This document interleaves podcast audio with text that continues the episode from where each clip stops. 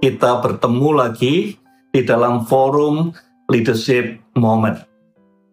Pagi ini saya akan membahas tentang pentingnya sebuah feedback.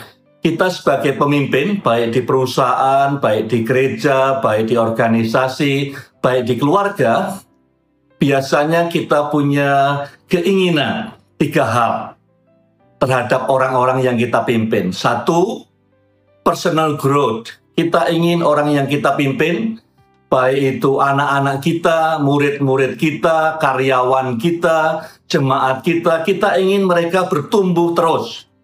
Dan kita anggarkan untuk itu.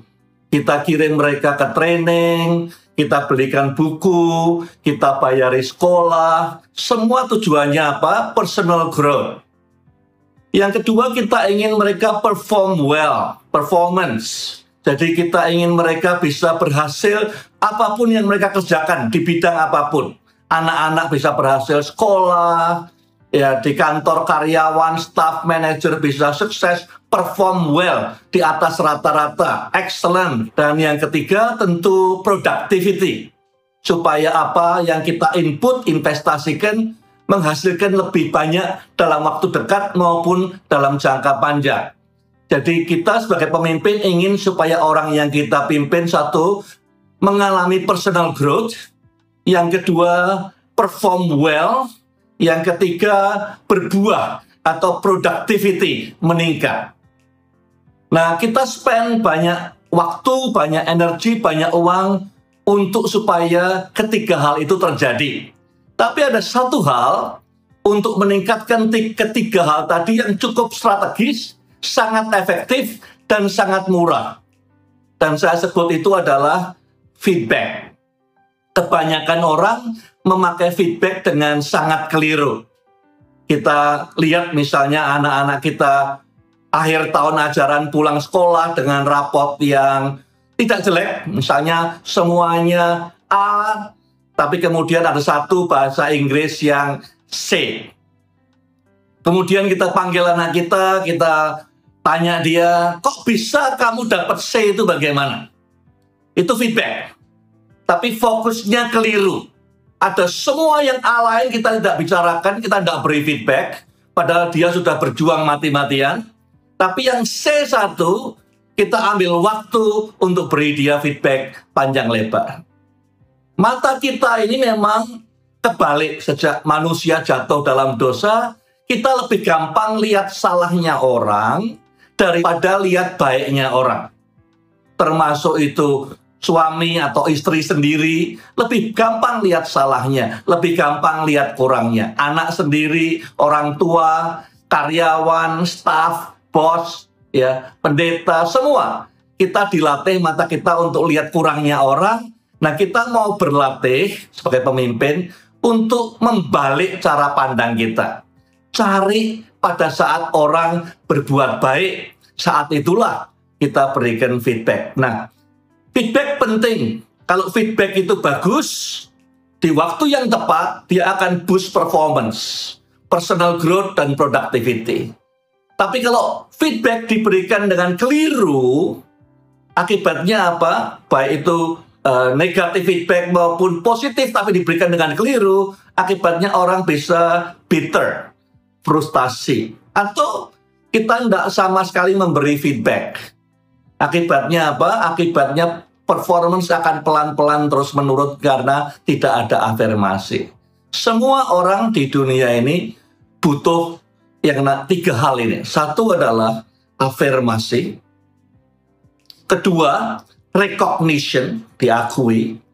Yang ketiga, encouragement. Jadi feedback bisa mengandung tiga hal itu. Orang yang dipuji berbuat sesuatu yang baik, akan mengerjakan itu berulang kali terus-menerus dan semakin baik. Bagaimana memberi feedback yang baik? Ada empat hal yang saya mau sampaikan. Yang pertama, berikan sesegera mungkin.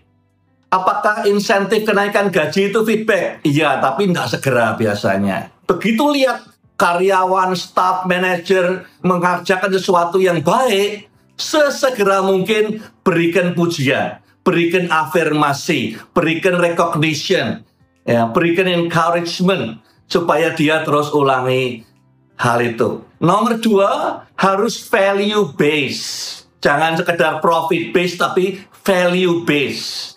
Yang diberi afirmasi itu prestasi, perbuatan, behavior yang value base.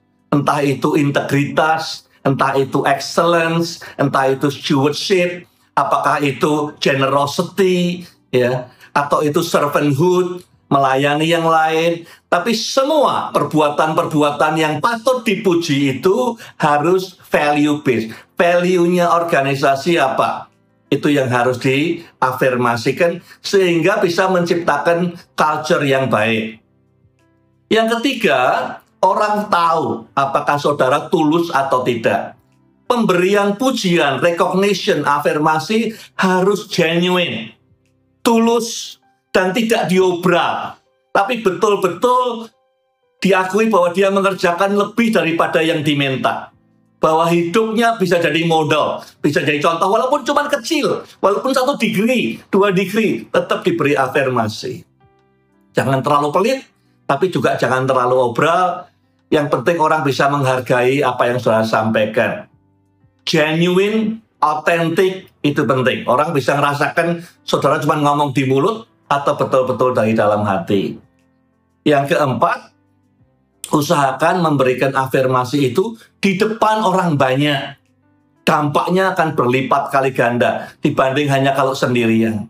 Kalau di depan teman-temannya, karyawan yang lain, pengerja yang lain, staf yang lain, ini bisa uh, memberikan apa dampak yang berkelipat kali ganda. Bukan untuk menciptakan persaingan, bukan tapi untuk mengakui di depan orang-orang lain bahwa orang ini mendapatkan pengakuan dan afirmasi recognition dari saudara. Nah, habit apa yang perlu kita ciptakan supaya kita bisa memberi feedback yang baik?